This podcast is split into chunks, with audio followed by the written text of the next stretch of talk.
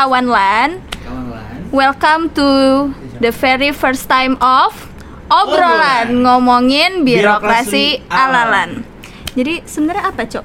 Birokrasi ngobrolan ini. Ini media baru kita dari Lan. Wow. Kebetulan anaknya milenial semua. Wow. Jadi mereka bikin ide, bikin Mhm. media baru yang bentuknya podcast. Oke. Jadi pod- Ngomong-ngomong kita belum ngomong perkenalan diri loh cok. Oh iya. Kita Oke. sebagai host paling pertama dan pionirnya Mungkin obrolan ini harus ke depan ya. ya mungkin Untuk ya. tahun ke depan Mhm. podcast ini mungkin akan tiap bulan katanya mau ada Oke. serialnya. Mungkin kita harus perkenalan Kita dulu. kenalan Oke. aja. Oke. Aku. Nisa, Aku Riko.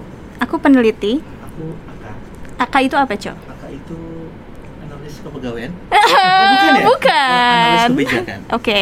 Analis kebijakan itu IJF baru. Oh, nggak baru juga sih, Cok. Oh, nggak baru Nggak juga. baru ya? juga. Nah, Anak baru lah. Anak baru. Anak baru dalam per dunia per JF-an. Oke. Nah, Untuk ngobrol kita yang pertama nih, Cok. Oke. Kita mau bahas apa? kita mau bahas soal ini idenya lagi lagi lagi apa ya? Lagi Lagi in. hangat, lagi in, Hot, lagi hot, lagi panas. seksi. Tentang perampingan birokrasi. Strukturalnya itu mau dikemanain? Hmm. Ini udah dari tahun lalu ketika pelantikan Pak Jokowi udah Oktober Ah, 2019. Pak Jokowi udah bilang kalau birokrasi kita tuh lelet Lelet, lelet ya Hmm. birokrasi kita lelet nggak agile, nggak agile katanya nggak dinamis. Nggak dinamis Hmm. karena kebanyakan struktur Oke. terlalu Terlalu birokratis sih. birokratis terlalu administratif hierarkinya terlalu panjang, Panjang. karena di beberapa instansi bahkan ada lima jenjang sampai ke Oh, eselon 5. banget emang. Kalau di kita mungkin kalau di LAN ini cuma eselon 4 ya, paling paling mentok di eselon 4. Dan itu udah dinilai kepanjangan makanya oh, waktu itu Jokowi bilang eh, eselon 3 sama eselon 4 ini dipangkas aja dan dialihkan ke jabatan fungsional kayak gitu. Oke, jadi Pak Jokowi minta supaya birokrasi kita agile, birokrasi kita nggak lambat, birokrasi kita nggak menghambat investasi kalau Yes. kata dia. Yes. Pak Jokowi minta dipangkas jadi sampai level 2. karena salah satu apa constraint ya apa sih eh, hambatan kalau misalnya kita mau meningkatkan daya saing itu salah satunya adalah karena birokrasi kita ini terlalu lambat, terlalu hierarkis. Makanya seperti yang kita tahu ya, Jokowi itu sangat concern banget ke masalah investasi, makanya buh pia carane, apa pun caranya itu harus mempercepat yang namanya eh, apa birokrasi biar investasi itu makin kencang dan daya saing kita makin eh, meningkat kayak Oke. gitu. Nah, untuk membahas ini semua, nggak jadi- semuanya juga sih. Jadi kan kita mau ngomong eh, birokrasi tadi ya mau dipangkas itu eselon 3, eselon 4-nya itu kan mau dipangkas katanya. Mm-mm. Mau dikemanain gitu. Iya. Nah, Pak Jokowi minta Untuk dialihkan ke jabatan fungsional Fungsional. yang mengedepankan keahlian Mm-mm. dan profesionalis. Betul. Dan kita di Indonesia ini jabatan fungsional tuh banyak sekali. Ada kalau nggak salah sih ya terakhir itu 183 jenis jabatan fungsional. Banyak banget ya. Banyak banget. 183. Tapi di LAN ini, di LAN eh, dia ini membina, LAN ini membina Oke. cuman dua eh, Widya Iswara dan, Dan analis kebijakan. Iya, jadi kita punya eh, unit kerja namanya Pusaka sama pusat CF pusat bidang pengembangan kompetensi bidang pengembangan Udah ada suaranya jabatan narasumbernya. fungsional. Gak apa-apa, kita nanti kita kenalin siapa dia ya. Oke. Jadi untuk kita bahas hari ini, kita bahas hari ini, ya, Tadi udah ada suara sayup-sayup Oke, dari suara narasumbernya. sayup-sayup. Kita- Udah mulai bisik-bisik, dia udah nggak tahan pengen ngomong benar, kayaknya. kayak, Nggak tahan pengen ngomong. Ini kita udah kehadiran. Pengen tidur yang udah udah udah udah ahli lah membahas tentang uh, salah satu jabatan fungsional yang mungkin lagi banyak dibahas juga ya, terutama kaitannya dengan pengalihan dari struktural ke jabatan fungsional ini. Kita udah punya dua narasumber di obrolan ini. Dia adalah milenial nyalan walaupun mukanya Andalannya, kolonial lah. tapi ini sebenarnya milenial Oh, iya, kok. iya milenial milenial. dan itu pemikirannya tuh udah wah udahlah lan ini bisa goyang kalau nggak ada mereka itu. Andalan lan ya. anda andalan Andalan. andalan Anda adalah lan ya. Oke, udah. Oke. Kita undang, kita bukan undang, orang udah hadir. kita tunjukkan. Kita tunjukkan. yang pertama adalah Pertama adalah Aldino Niki Mancher. Ini Dino apa? aja Dino Dino. Apa? Kamu tuh apa Dilan? Ini apa Dilan nih saya temennya Milea. Oh, oke. Ah, Mas oke Dino ini saat saat ini eh, menjabat sebagai kasubit bidang kebijakan peng, apa kebijakan pembinaan. Oh, Anda Kebijakan Anda eselon 4 ya. Mungkin nanti akan hilang Oh, kamu ya, itu ya eh, Allah, jabatannya amin. ya. Oh, amin. Bakal jadi korban pemangkasan birokrasi ini ya. Bukan korban dong Bukan, itu. anugerah. Oh, Reward, reward, reward. Jadi Mas Dino ini adalah kasubit eh, kebijakan Kebijakan pembinaan. pembinaan Hmm. Di analis Pusaka, kebijakan ya. di pusaka pusat pembinaan analis, Analis kebijakan. Ini for your information ya Mas Dino ini dulunya juga ya analis kebijakan. Oke ya, dulunya Mas Dino ini analis kebijakan nih Iya. Kan dari kemudian hukum jadi Anda udah nggak sabar pengen perkenalan diri. Yang satu lagi namanya Ini yang Ihwan. belum dihukum nih. Ihwan. kedua adalah Ihwan Santos. Dadah-dadah dulu ke kamera. Oke. Oke oke oke. Mas Ihwan ini adalah analis kebijakan ahli pertama Mhm. dari Pusat Inovasi Manajemen Eh, Pusat Inovasi Pengembangan. Pusat Inovasi Peng- Manajemen Oh, ada Pengembangan manajemen. Kompetensi ASN. Oh, yang iya. banget. Oke. Iya, iya. Kurang ngobrol. Ya, Makanya ini obrolan. Eh, ngobrol, ngobrol, ngobrol. Kalau masih kaku-kaku ya gak apa-apa ini kan episode Ah, pertama gitu. maklum ya. Lah, Mas Iwan ini sebagai analis kebijakan. Jadi nanti kita ingin menggali pengalaman beliau sebagai analis kebijakan. Apa sih peran analis kebijakan itu sendiri dalam dalam sebuah organisasi?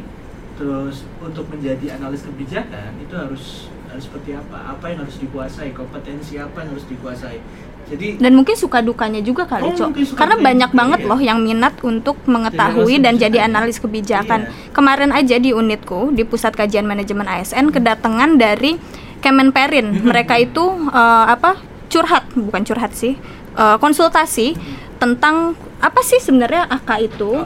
Terus bagaimana sih caranya untuk menjadi AK?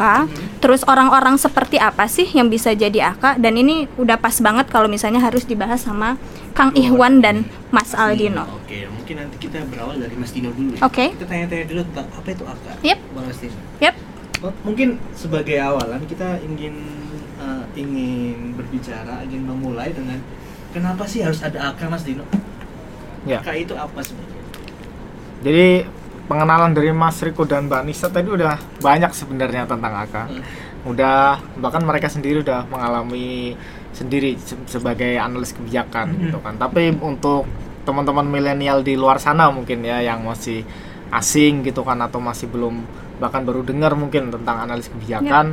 Jadi memang analis kebijakan ini memang ya anggaplah seperti tadi istilah Mas Riko ini memang apa ya anak milenialnya JF gitu ya. Uh. Oh, JF milenial berarti JF ya. Karena masih baru, ba- baru hadir di dunia per JF-an gitu kan. Jadi memang masih ya semenjak dikeluarkan Permenpan tahun apa nomor 45 tahun 2013 sampai sekarang kan berarti ya tujuh tahun jalan gitu kan eh, di JF-nya itu. JF ini ber berproses gitu kan dari sejak lahirnya Permenpan itu tentang jabatan fungsional analis kebijakan. dan angka kreditnya. Hmm. Nah, kemudian eh, semenjak saat itu eh, LAN eh, memang menginisiasi munculnya analis kebijakan ini sebagai sebuah jabatan fungsional sebenarnya ini sudah lama sekali, sudah sejak era kalau menurut yang saya dengar gitu kan dari para kolega-kolega di LAN itu sebenarnya udah lama, udah dari tahun 60-an gitu kan. Tapi kemudian Oh, pada akhirnya itu goalnya ya. goalnya itu kemudian uh, pada masa uh, kepemimpinan Prof Agus Bianto Hmm. di tahun 2013 itu menjadi Permenpan 45 dan analis kebijakan menjadi sebuah uh, JF analis kebijakan. Nah, lalu mengapa dulu inisiatif ini memang dimunculkan gitu kan, kemudian digolkan gitu kan. Jadi memang berangkat tadi dari isu yang disampaikan Mas Riko dan Mbak Nisa Kondisi juga. Iya, itulah kondisi kebijakan publik di Indonesia yang tadi katanya kurang agile, terus Hmm. kemudian tidak adaptif, kurang dinamis terhadap perubahan lingkungan gitu kan. Nah, itulah memang menjadi salah satu trigger mengapa kemudian analis kebijakan itu dimunculkan Hmm. gitu kan yang kemudian itulah yang menjadi inginnya menjadi pengawal-pengawal kebijakan Hmm. untuk mengikis atau menepis lah Hmm. anggapan-anggapan bahwa birokrasi kita itu nggak adaptif, Hmm. birokrasi kita itu eh, lambat dan lain-lain atau tidak bisa apa responsif terhadap kebutuhan publik gitu kan tadi. Nah itulah jadi diharapkan dengan hadirnya analis kebijakan itu nanti bisa terbit kebijakan-kebijakan yang eh, lebih agile. yang lebih agile, yang lebih responsif, yang lebih tanggap terhadap kebutuhan publik. Iya, kualitasnya juga kualitas kebijakan kita mungkin kita ketahui masih sangat sangat buruk ya. iya iya Eh, kemudian dengan adanya analis kebijakan ini diharapkan kebijakan-kebijakan yang dihasilkan oleh pemerintah itu menjadi lebih baik. Kebijakan seperti apa sih yang diharapkan dari Iya. Dengan dari- munculnya dengan analis munculnya kebijakan. Analis kebijakan seperti apa Ya, yang salah satu PR kita ya, kita PR kita bersama lah, apalagi yang kita lihat selama ini, bahkan hasil-hasil kajiannya para peneliti nih, gitu Hmm. kan, yang dihasilkan bahwa kebijakan kita itu rata-rata kecenderungannya gitu kan cenderung disetir oleh kelompok-kelompok sektoral, kepentingan Oke. sektoral, kelompok eh, apa yang berdasarkan hanya opini gitu kan atau bahkan intuisi yang itu ke depan ingin dihilangkan. Nah, ini kemudian analisis kebijakan ini eh, misinya adalah membangun kebijakan yang berbasis bukti. gitu. Hmm. Jadi kebijakan seperti apa? Evidence-based Eh, policy. Evidence-based policy making. Jadi eh, ke depan dengan hadirnya analisis kebijakan dia bisa menjadi supplier terhadap data dan informasi yang menjadi evidence untuk eh, terbitnya sebuah kebijakan. Hmm. Gitu. Jadi tidak diharapkan tidak ada lagi kebijakan yang asal-asalan aja terbit gitu kan misalnya baru ke- ini kebijakan dengan berbagai bentuknya sebenarnya ya yang kita inginkan baik itu Ya. eh, apa undang-undang kemudian peraturan menteri kemudian peraturan eh, oleh pejabat-pejabat yang berwenang itu semua bentuk program juga itu memang ada basis data dukung eh, evidence yang me- melandasinya gitu Hmm. sehingga diharapkan itu bisa menjadi justifikasi yang baik kepada publik bahwa kebijakan ini memang layak diimplementasikan dan tidak di tidak ada eh, atau minim lah minim eh, tingkat kepentingan-kepentingan jangka pendek ataupun kepentingan-kepentingan sektoralnya seperti itu. Jadi sebenarnya kalau misalnya mau digambarin secara umum, fungsi atau kerjanya analis kebijakan di sebuah organisasi nih seperti apa sih? Mm-mm. Jadi sebenarnya eh, mungkin nanti Mas Riko lebih cerit- bisa cerita baik sebenarnya ya. Iya. Kang Iwan Sebagai- juga Kang Iwan sebagai nih, analis kebijakan, analis kebijakan andalan. andalannya LAN. Andalannya Tadi kan LAN. bilang kata kunci adalah evidence. Evidence, ya, betul sekali. Jadi- kolaborasi antara peneliti seperti Banista dan Mas Dino ini atau Mas Iwan ini juga sangat penting. Jadi Mas Betul. Nisa ini menghasilkan Mas Nisa. Mas Nisa, Mbak Nisa ini menghasilkan data, data-data bukti. Nanti kemudian disensor. Bukti ini bisa digunakan oleh Betul para sekali. analis kebijakan Ya, jadi memang istilahnya analisis. analis kebijakan itu menjadi knowledge intermediary Ah, gitu kan. Oke, apa tuh? Jadi analis kebijakan itu fungsinya adalah menjembatani dunia riset Mhm. dengan dunia kebijakan gitu kan. Jadi dunia riset yang sangat akademis dengan dunia kebijakan yang sangat politis. Diterjemahkan. Nah, betul di sinilah di tengah-tengah itulah posisi analis kebijakan yang menghubungkan Mhm. hasil-hasil riset itu kemudian untuk diterjemahkan eh, apa eh, pengetahuan-pengetahuannya menjadi sebuah eh, rekomendasi kebijakan yang mudah dipahami oleh para policy maker yang kemudian dibuat sebuah keputusan kebijakan oleh policy maker atau menjadi bahan untuk decision making di decision making di eh, oleh para pol- policy maker itu. Istilah-istilah penerjemahan dari hasil riset ini menjadi penting ya soalnya kalau misalnya kita dengar juga banyak juga loh yang nanya bedanya peneliti sama analis Betul. kebijakan apa sih dan banyak concernnya itu malah di betul. apa malah ditanyakan itu adalah perbedaan ya padahal sebenarnya peneliti sama AK ini di sebuah organisasi kan kolaborasi Sama, kayak iya, gitu betul ya. sekali. Jadi kuncinya memang tetap kolaborasi, Kolaborasi. bukan berarti dengan Adanya analis AK. kebijakan itu menghapus peran Betul, peneliti atau betul. JF-JF yang lain. Yap. Jadi kalau di konsep kita itu ada public policy community itu kan, itu memang ada banyak aktor-aktor yang yang yang pasti terlibat di dalam eh, sebuah Pembuatan. pe- pembuatan kebijakan gitu kan dan di situlah analisis kebijakan ini menjadi salah satu agen saja gitu kan yang di situ tetap ada peran peneliti peran perancang peraturan perundang-undangan peran Yep. Eh, perencana gitu kan yang semua itu berapa ber, bi- harus dikolaborasikan agar menghasilkan eh, kebijakan yang baik itu gitu jadi tetap analisis kebijakan eh, tadi sampaikan Mbak Nisa bahwa memang ma- masing-masing punya spesifikasi fungsi yang yang yang yang yang ide yang unik gitu kan. Hmm. Misalnya peneliti memang orientasinya ke pengembangan ilmu pengetahuan gitu kan. Jadi dia penguatan ilmu pengetahuan. Jadi dan itu penting dan itu memang fungsi utamanya peneliti. Tapi analisis kebijakan adalah bagaimana mengolah ilmu pengetahuan itu menjadi eh, apa eh, ya, apa informasi kebijakan Hmm. gitu kan. Nah, itulah eh, fungsi yang fungsi kolaborasi yang diinginkan. Oke. Itu kan dari segi konsep ya. Kita pengen Hmm. denger dong dari segi pengalaman Pengalaman aplikatifnya sebagai sebagai ya pengalaman sebagai analis kebijakan itu Eh, dan di unit kajian kebetulan ini mungkin Kang Iwan bisa cerita bagaimana eh, yang di Peran seorang perannya yang tadi diceritakan dan dijelaskan sama Mas Dino itu benar nggak sih dijalankan perannya sama seorang AK Dilan? sebetulnya peneras peran analis kebijakan itu kembali balik lagi kepada level kebijakan apa yang dia pengaruhi artinya penempatan dia ada di unit seperti apa kan sangat mempengaruhi bagaimana dia pengaruhi kebijakan. Tapi sebelum ke situ meskipun saya adalah praktisi AK saya juga boleh sedikit bicara konsep dong Oh, boleh lah. Ini kan obrolan, kita harus ngobrol Ini- apa aja ini diobrolin sama judul- kita. Judulnya serius, saya mau pura-pura serius. kan Prof saya ini pura-pura serius.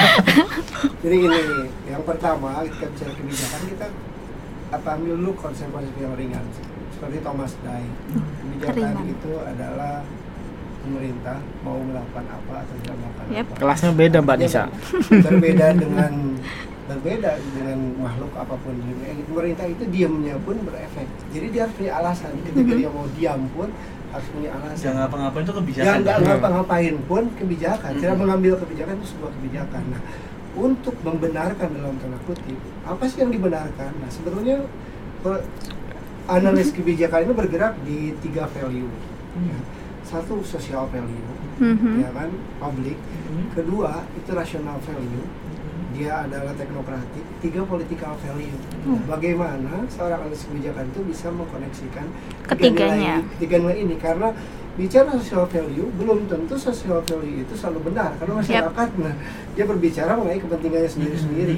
Nah ini inilah sebetulnya lebih lebih kecenderungannya teknokratik value ini. Karena ilmu pengetahuan itu selalu ber- ber- mencari sesuatu hal yang apa namanya lebih netral gitu. Kan. sementara political value apalagi kalau kita eh, bicara misalnya ada game Lord Action pol- eh, politik tends to corrupt ya kan?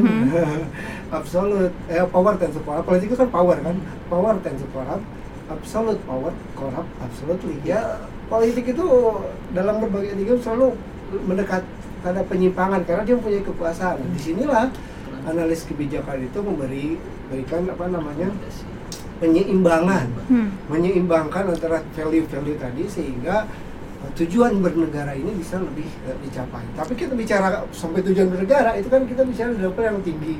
Misalnya kalau kalau kita bicara uh, te- teori normatif kebijakan publik artinya yang dipengaruhi yang perlu dipengaruhi secara secara langsung itu adalah proses pembuatan kebijakan di di Senayan sana.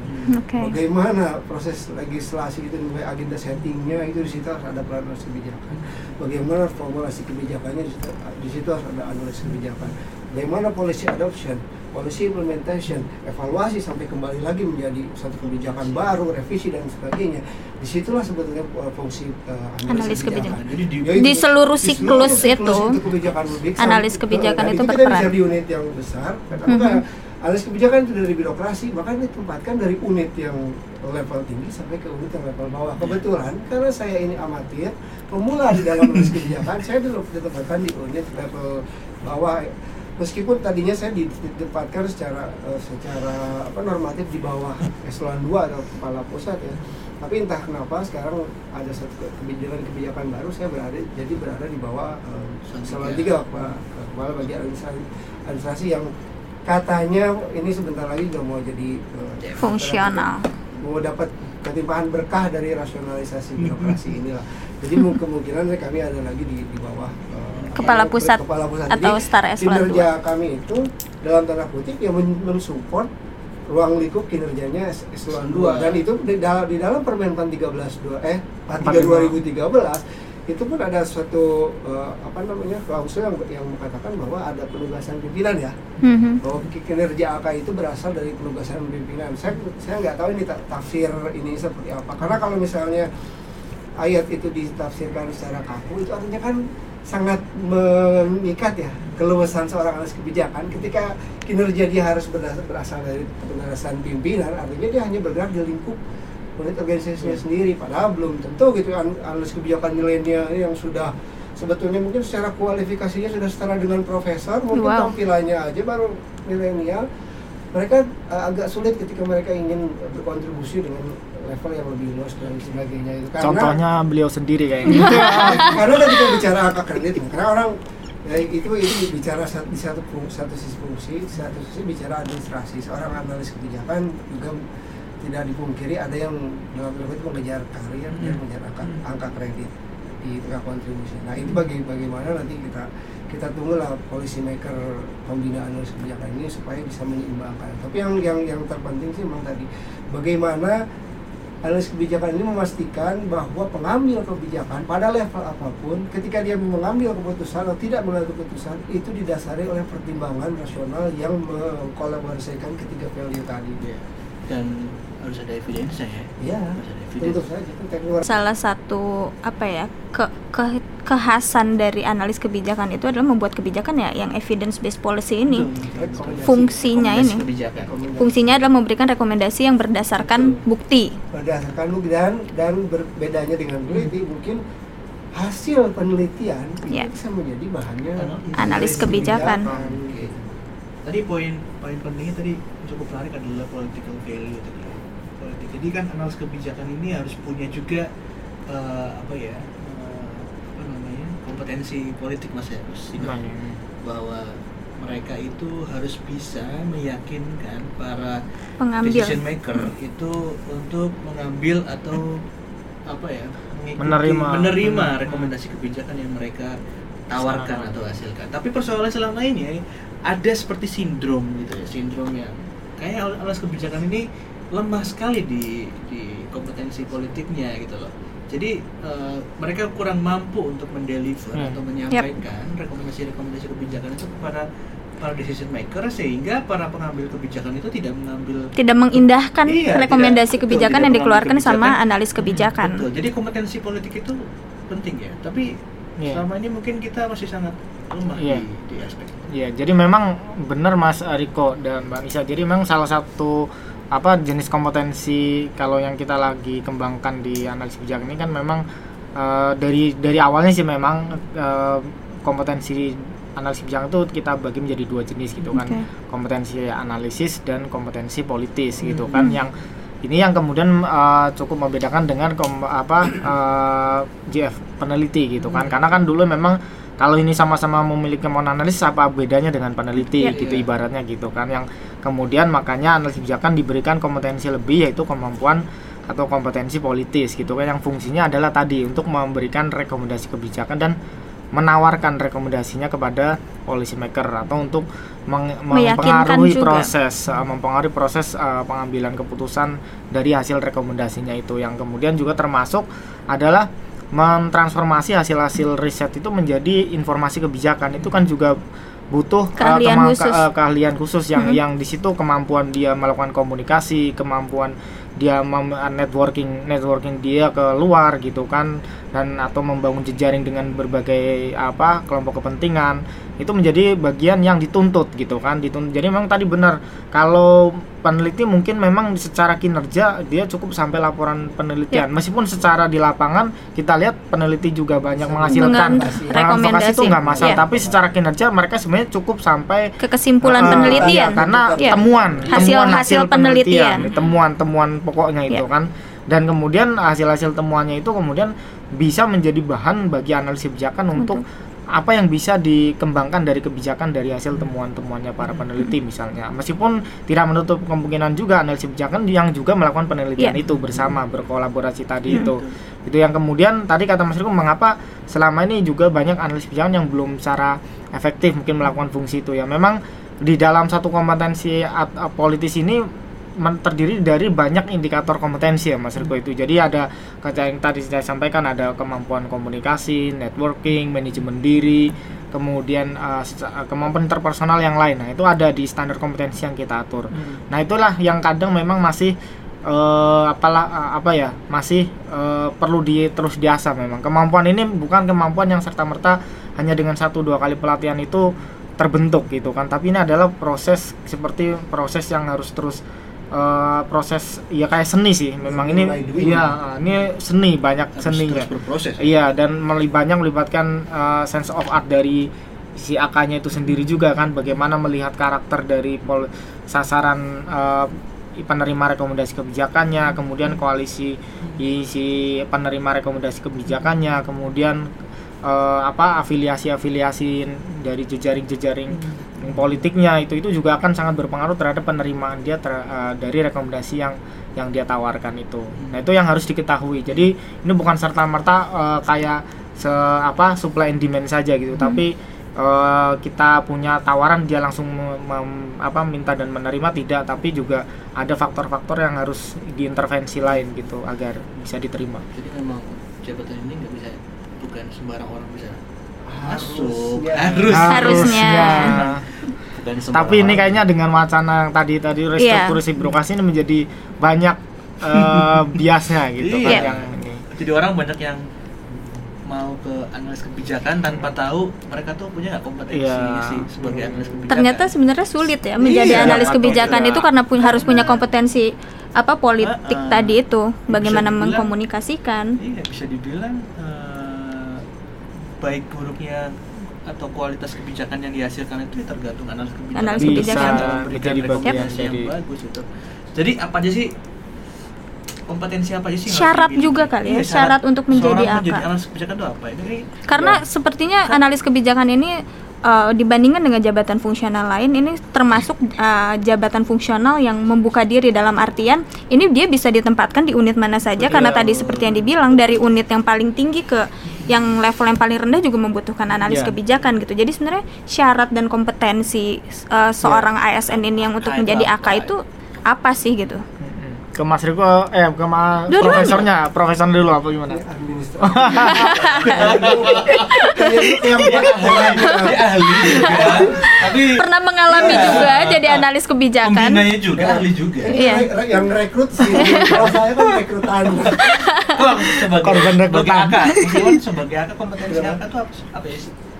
Yang jelas tadi kalau kalau kita bicara dua sisi tadi, satu ini kita harus bisa menangkap isu, harus bisa menangkap isu satu itu. Kedua kita itu tidak tidak dituntut untuk seperti peneliti harus melakukan penelitian mandiri, tapi kita lebih karena dituntut untuk berpikir lebih cepat dan memberikan rekomendasi yang lebih cepat. Jadi kita dituntut untuk mampu memanfaatkan hasil-hasil riset.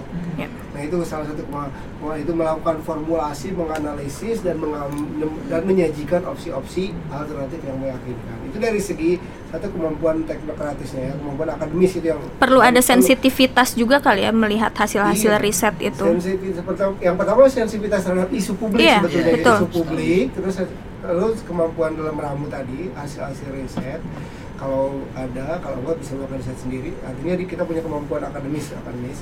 Terus yang kedua tadi terkait kemampuan advokasi meyakinkan pimpinan memang tugas atau hal yang paling sederhana yang perlu kita dimiliki oleh seorang AK itu adalah harus mempunyai trust. Bagaimana kita menciptakan trust Betul, dari seorang Kalau pimpinan? nggak dipercaya Nah, kalau nggak dipercaya, se- sepintar Sebagus apa pun rekomendasinya, sebagus akan apa pun sulit. rekomendasinya, sepintar apa pun, karena kita biar bicara di apa namanya tuh di, bi- eh, kultur birokrasi yang masih sangat personal. Betul. Sangat- Berbeda, berbeda dengan negara-negara maju yang artinya ma- permasalahan pribadi Disingkirkan, di luar eh, organisasi. Kalau, kalau Hmm. di kultur timur khususnya negara 62 plus 62 ini kita dua. Undang-undang ini ya, itu yang, yang mungkin uh, trust ya selain selain itu pun ya artinya apa namanya kalau menurut saya sih eh seka- sekalipun gitu eh, ke- eh, keputusan itu ada di tangan pimpinan dalam tanda kutip kita harus tetap mempunyai idealisme Hmm. bagaimanapun jangan terlalu jangan jangan jadi kita jangan terlalu terlalu hanyut dengan karakteristik pimpinan karena karena balik lagi tadi kan kita punya ke- apa namanya pimpinan punya kebutuhan bukan punya kebutuhan ya eh, seolah-olah dia butuh nggak butuh sih kadang-kadang sama saran saran kita karena ini kultur ini kan baru ya kita Iya. menciptakan kultur baru di mana seorang pimpinan itu disuplai- Mendengarkan. Iya. disuplai dengan masukan-masukan kebijakan jadi seolah-olah kebutuhan itu ada di kita kebutuhan untuk menyampaikan masukan kebutuhan juga untuk eh, mengangkat kredit mem- ber- berkembang lewat angka kredit atas kebijakan itu sehingga seolah-olah apa namanya heavy-nya itu kuasanya ada di pimpinan. Nah, analis kebijakan yang dalam tanda kutip tidak kuat iman, Gue kuat iman. mungkin dia akan lebih ah, gimana ya yang penting atasan saya Iya. bisa saya Berikan. puaskan, jadi Hmm. ya saya juga ABS, bisa, ABS. bisa- eh, saya bisa berkembang dengan cepat. Tantangan baru lagi udah muncul nih dari obrolan kita bagaimana menciptakan kultur baru jadi eh, pimpinan itu bisa mendengarkan rekomendasi-rekomendasi atau saran yang diberikan analis kebijakan walaupun analis kebijakan ini adalah eh, juniornya yang junior sekali kayak gitu. Jadi menciptakan kultur baru itu juga menjadi sangat penting dan mem- apa keterbukaan eh, pikiran, mindsetnya juga diubah itu menjadi tantangan tersendiri juga ya dengan apa hadirnya banyak hadir ke analis kebijakan di organisasi Tapi kayak gitu. sih untungnya kalau saya pengalaman saya pengalaman pimpinan-pimpinan saya belum belum ada mudah-mudahan ada sebelum ada yang saya gitu yang ibaratnya resisten atau tidak akomodatif Ya. terhadap apa. Kebetulan itu unit yang saya eh, tempat yang saya tempati sekarang ini cukup kooperatif lah, lebih lebih egaliter gitu. Nah, organisasi berbasis fungsional itu Fungsional. penting ya Penting. gitu. Iya. Kalau kita mau maju birokrasinya, jangan dibanyakin strukturalnya, tapi dibanyakin fungsionalnya. Iya, gitu. apalagi ini sebenarnya analisis kebijakan kan sebenarnya juga menawarkan model baru dalam tata kelola fungsional. ya. Gimana tuh? Apa Jadi, ini? Ini hal baru. Sebenarnya tadi uh, salah satu clue yang pertama sebenarnya sudah disebutkan Mhm. Mas Riko, Mbak Nisa dan Mas Ivan ya. Jadi pertama bahwa uh, ki- birokrasi kita bergerak ke arah fungsional gitu kan. Ya. Jadi lebih mendorong ke fungsional itu kan daripada struktural gitu kan. Yang ini memang selama ini cenderung tidak terjadi gitu kan sehingga orang lebih menghargai jabatan struktural daripada jabatan fungsional. Ini ini benar terjadi terutama apalagi di daerah ya. Di daerah orang meskipun dengan jabatan eselon terendah apa serendah apa pun gitu kan Mendingan jadi mendingan struktural. struktural daripada de- eh, menjadi fungsional. Apala, apalagi selama ini cenderung tata kelola fungsional ini hanya ditempatkan di satu unit tertentu Ya. yang kemudian unit itu pada akhirnya menjadi cenderung unit buangan. Istilahnya tanda kutip ya, tanda unit buangan. Jadi orang-orang yang di isi makanya kita masih sering mendengar difungsionalkan. Iya. Difungsional itu kayak Seolah-olah masih dihukum. Di, kayak dinonjobkan Iya, gitu iya. loh. dinonjobkan dinonjobkan dari jabatan struktural maksudnya. Padahal sebenarnya itu sebenarnya fungsional kan bukan selalu bentuk eh, apa punishment ya. Itu Iya. adalah bentuk Reward promosi juga. juga. bisa bagian dari bentuk promosi gitu kan orang masuk ke fungsional. Ini yang masih selama ini terjadi mindset itu yang terjadi sehingga ketika orang masuk fungsional cenderung oh cenderung oh ini orang ini udah nggak dipakai berarti gitu kan. Berarti ya udah difungsionalkan aja gitu kan.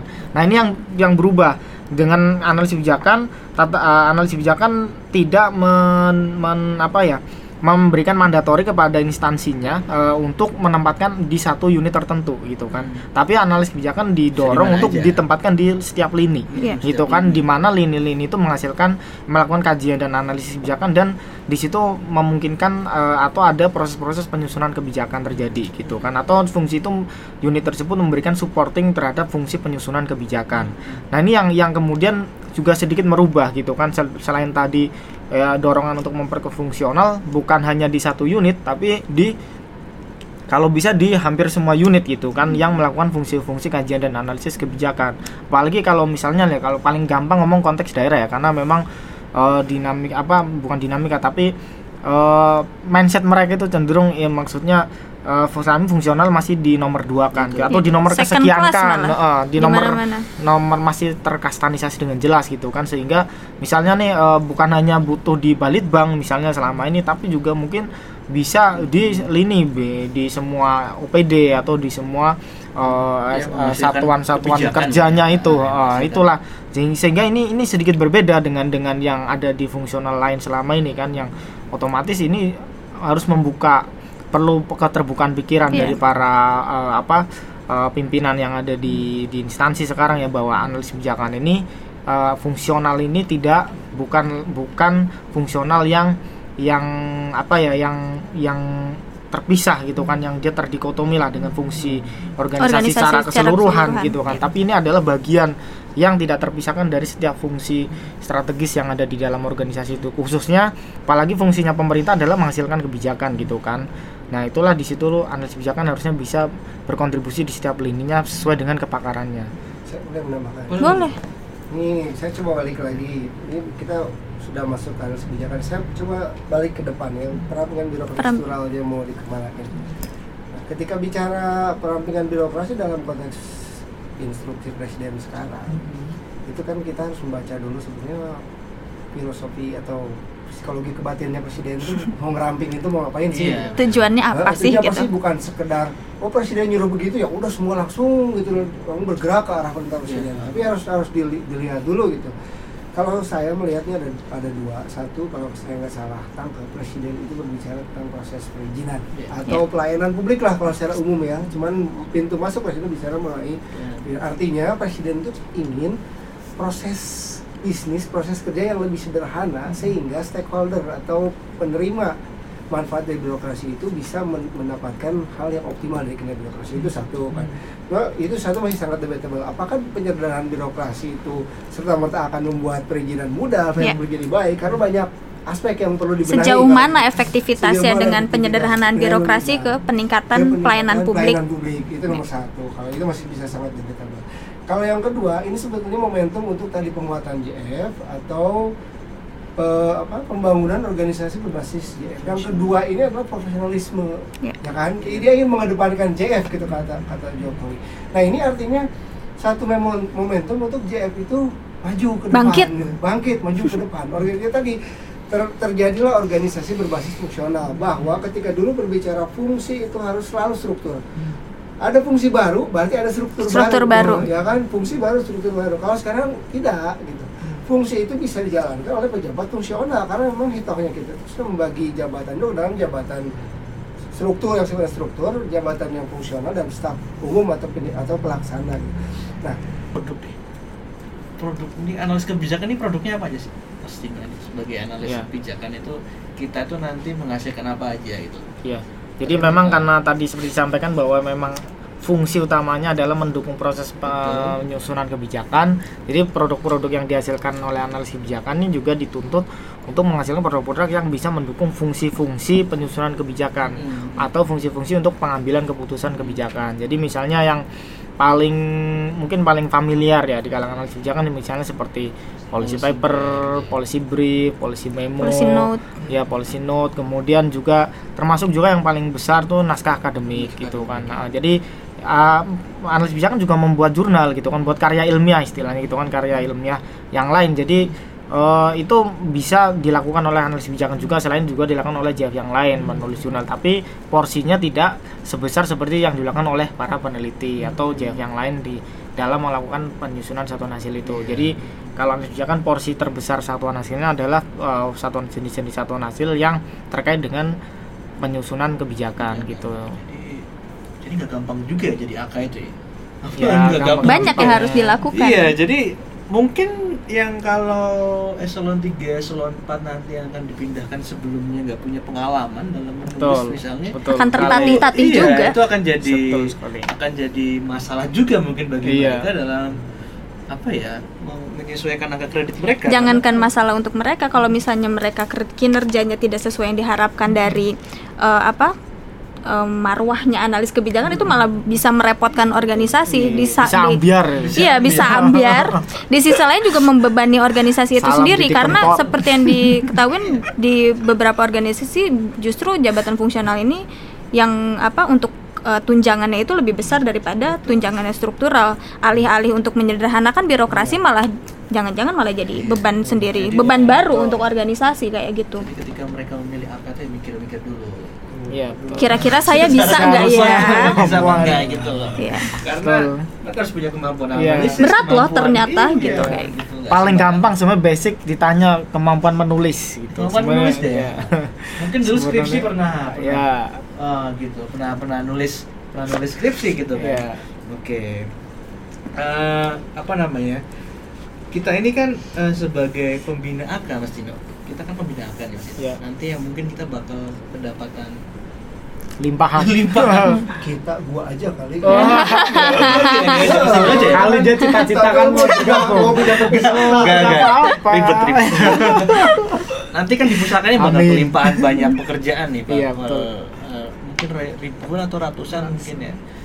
Apa nih? ya Kita harus benahi untuk, untuk Iya, jadi memang ini. kayak istilahnya mungkin seperti istilah Pak Deputi kami ya itu eh, kita bakal dapat semacam kayak karena ini restrukturisasi besar-besaran dan kita menangkap potensi di lapangan itu kecenderungannya gitu. Seperti tadi disampaikan Mbak Anissa juga bahwa kemarin kedatangan tamu Kemenperin gitu kan dan pertangkap gitu kan kecenderungannya seperti apa gitu kan. Dan ternyata um, ibaratnya ya dari seluruh uh, ibaratnya dari 100% misalnya kementerian lembaga yang me- melakukan restrukturisasi ibaratnya 60 persennya itulah paling enggak itu cenderung pengen ke analis kebijakan Wow. beralih ke ke analis kebijakan jadi dengan adanya isu restruktur wacana restrukturisasi yang sedang dalam proses eh, apa sebentar lagi implementasi penuhnya ini sebenarnya LAN juga menjadi pamornya naik ibaratnya naik daun gitu ya LAN naik daun dengan membina analis kebijakan ini karena LAN bakal menerima gelombang tsunami gitu kan gelombang Tsunami tsunami, in passing. in passing analis kebijakan ini karena dengan dengan eh, apa pilihan mereka kecenderungannya ke analis kebijakan otomatis yang selalu dicari adalah oh LAN gitu. Analis kebijakan itu berarti LAN gitu. Jadi itu setidaknya kita ibaratnya eh, kalau kita hitung-hitungan ya Mas Riko ya ibaratnya dari misalnya pun dari sera- misalnya kalau dari satu instansi ada 100 orang gitu kan berarti kan 60 ya. Itu baru satu instansi gitu kan. Kementerian itu kan mungkin yang bi- bisa direstrukturisasi mungkin bisa sampai 500 misalnya kan. 500 eh, 60 persennya aja udah berarti sudah lebih dari 250 kan? Sudah bisa 280 itu baru satu kementerian. Berarti kalau kita ada 100 kementerian mungkin bisa puluhan ribu kan? 25 ribu pun bisa. Nah itu. Jadi itu yang kemudian kita coba a- antisipasi itu dengan menyiapkan berbagai instrumen termasuk metode uji kompetensi kita yang agar kita bisa mengakomodasi kebutuhan dari eh, adanya in passing eh, yang yang besar tersebut gitu dan termasuk kita sedang mengembangkan berbagai instrumen berbasis teknologi untuk pelatihan analis kebijakan agar nanti bisa mengakomodasi kebut- besarnya eh, permintaan terhadap eh, pengembangan kompetensi analis kebijakan. Iya betul. Eh, dengan banyaknya nih nanti yang akan in passing mungkin Hmm. bahkan bisa disebut itu tsunami in passing In analis kebijakan. Gimana sih LAN ini sebagai instansi pembinanya AK itu menjaga kualitas yang AK Iya. yang akan dihasilkan itu seperti apa? Jangan-jangan jangan sampai nanti ke depannya itu banyak tapi nggak berkualitas kayak gitu. Iya, iya. Ya itu memang menjadi PR kita bersama juga sih Mas Mbak Nisa. Jadi memang karena besarnya ini apalagi ini kalau yang makanya kita tetap mendorong in passing melalui yang in passing reguler. Karena kalau in passing reguler masih ada proses uji kompetensi yang dilakukan oleh kita LAN sebagai instansi pembinaan kebijakan. Kalau kebijakan yang in passing khusus itu nanti kan tidak melalui uji kompetensi di kita, tapi uji kompetensi di instansi masing-masing yang kadang mereka punya lebih di kita kan nggak tahu standar uh, penilaian mereka itu seperti apa tuh kan makanya kita uh, selalu uh, sampaikan ke pihak uh, para para apa uh, mitra kita baik baik dari berbagai instansi kementerian lembaga maupun pemerintah daerah agar kalau mau pengen beralih ke kebijakan uh, silakan mengikuti proses baik dari pengangkatan pertama maupun in passing yang reguler sekarang ini. Karena kita akan di situ terlibat gitu, LAN akan terlibat secara aktif untuk melakukan seleksi eh, calon analis kebijakan yang yang yang ingin masuk ke analis kebijakan. Berbeda dengan nanti kalau in passing khusus, mereka kan kayak ibaratnya ujuk-ujuk gitu kan, ujuk-ujuk jadi analis kebijakan gitu kan. Jadinya nggak nggak ada filter entah eh, diuji kompetensi dengan standar seperti apa kita nggak tahu gitu kan. Tahu-tahu dia analis kebijakan itu. Ini ngomong-ngomong untuk menjadi analis kebijakan ya. Tadi kan kita ngebahasnya ya yang udah ada di PNS dan misalnya dari struktural ke ke AK kayak gitu. Sebenarnya yang jadi AK itu analis kebijakan itu bisa nggak sih ya orang profesional atau orang di luar ASN kayak gitu? Ya, jadi memang Prosesnya seperti apa? Betul. Apakah berbeda dengan oh, orang-orang yang pengen jadi AK tapi Ya. dari ASN ya, kayak gitu? LAN juga uh, sebenarnya kami dari instansi pembina juga menangkap adanya potensi tersebut Yap. gitu kan yang kemudian bahwa analisis kebijakan ini sebagai sebuah profesi pasti tidak hanya uh, daya tariknya bukan hanya di kalangan Ya. ASN tapi juga pasti non ASN gitu kan bahkan uh, praktisi-praktisi kebijakan di luar sana sebenarnya mereka sudah uh, lebih lama membawa uh, gaung tentang analisis kebijakan mungkin ya karena brandnya analisis kebijakan. Karena ibaratnya dulu Prof. Agus Duyanto sendiri pun uh, meskipun dia sebagai akademisi tapi dia juga uh, kuat brandnya sebagai analis kebijakan gitu kan. Nah ini ini sebenarnya yang kemudian kita coba siapkan berbagai instrumen-instrumen untuk mengakomodasi kebutuhan uh, lapangan tersebut. Misalnya dengan kita menyusun standar kompetensi kerja nasional yang bisa digunakan sebagai bahan sertifikasi profesi. Yang di situ uh, ya ya? kita sudah sedang dalam proses kita sudah hampir selesai untuk uh, pe- pembentukan lembaga sertifikasi profesi LAN ya LSP LAN ini yang ke depan fungsinya adalah itu mengakomodasi kebutuhan-kebutuhan eh, apa orang yang ingin me- apa memiliki sertifikasi profesi sebagai analis kebijakan tapi tidak menjadi ASN gitu kan. Jadi di kita sudah di luar ASN. Jadi memang instrumen SKKNI dan KKNI ini ini memang disiapkan untuk eh, apa em, termasuk Mbak Nisa sendiri atau siapa pun kawan-kawan di luar sana yang yang mungkin sebagai ASN tidak menjadi analis kebijakan tapi bisa memegang sertifikat Oh bisa. sebagai Saya sebagai peneliti bisa dapat bisa itu sertifikat. kan sertifikasi profesi itu kan hak Oke. gitu ya yang sifatnya umum ya maksudnya uh, itu melekatnya ke warga negara gitu setiap warga negara itu punya uh, di dengan undang-undang ketenagakerjaan itu di diberikan hak untuk bahwa dia uh, bisa diberikan rekognisi oleh negara melalui eh, melalui instrumen sertifikasi profesi ya, sesuai dengan keinginan dan kemampuannya itu kan untuk mengikuti sertifikasi profesi. Dan salah satunya adalah sertifikasi profesi analis kebijakan ini gitu kan. Jadi uh, meskipun secara fungsional ASN misalnya fungsionalnya adalah peneliti tapi secara uh, individu mengikuti uh, sertifikasi profesi analis kebijakan. Ibaratnya kita sebagai ASN kita mau ikut sertifikasi sebagai barista sebagai sebagai chef sebagai apa pun kan boleh Boleh-boleh boleh aja. saja gitu kan. Nah itu. Jadi inilah yang kita kembangkan mengakomodasi kebutuhan ke depan dengan uh, daya tariknya analis kebijakan ini sebagai sebuah profesi.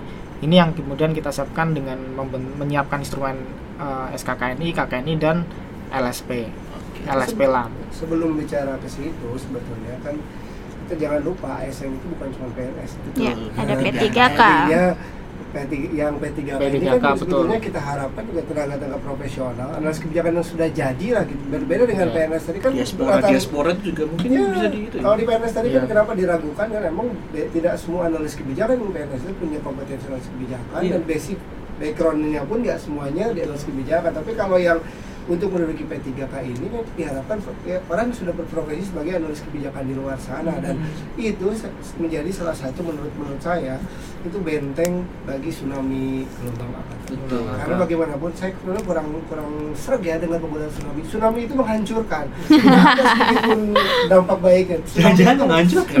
Iya, pasti membuat satu daerah porak-poranda cuman ya kalau kita mau cari sisi positifnya itu memberi kesempatan ketika sudah hancur tapi Iya. saya sih pengennya jangan hancur dulu Oke.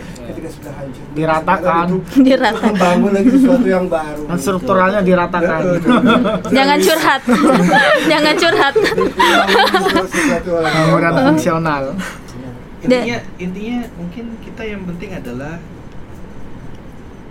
saya melihatnya apa ya ide Pak Jokowi ini sebagai ide yang mungkin ketika undang-undang ASN itu dikeluarkan itu kan sebenarnya undang-undang ASN tujuannya kan sebenarnya kan birokrasi fungsional tujuannya ya Menciptakan ASN yang profesional. Iya, gitu loh. ASN itu sebagai profesi uh, gitu. kemauan kemauannya menciptakan birokrasi kita yang berbasis fungsional Hmm. dalam jangka waktu udah lima hampir lima tahun mungkin dengan ASN segitu-gitu aja ketika muncul ide dari Pak Jokowi ini tentang penyederhanaan birokrasi ini sebagai Momentum. momentum untuk mewujudkan tadi birokrasi yang masih profesional ada, gitu. masih ada satu PR lah ini Untuk buat kelas government. didengar sama kawan-kawan dari Menpan dan seluruh Ini nanti podcastnya berlaku Sampai- internasional kok, tenang DPR, aja. sampai ke PBB juga nggak apa-apa Viralkan, viralkan. Ketika tadi saya setuju undang-undang ASN itu salah satu instrumen untuk membuat dual karir. Dual karir. Ketika tadinya kita dipaksa untuk mengikuti satu karir Struktural. struktural, ini dibuka dua dua pintu, ada struktur, ada fungsional. Tapi ketika kita mel- ketika melihat dalam konteks apa namanya penjabaran undang-undang ASN menjadi kelas jabatan, tahu tahukah anda? Wes, Tahukah anda? Begitu. Nanti diedit nih. Calon-calon dikat.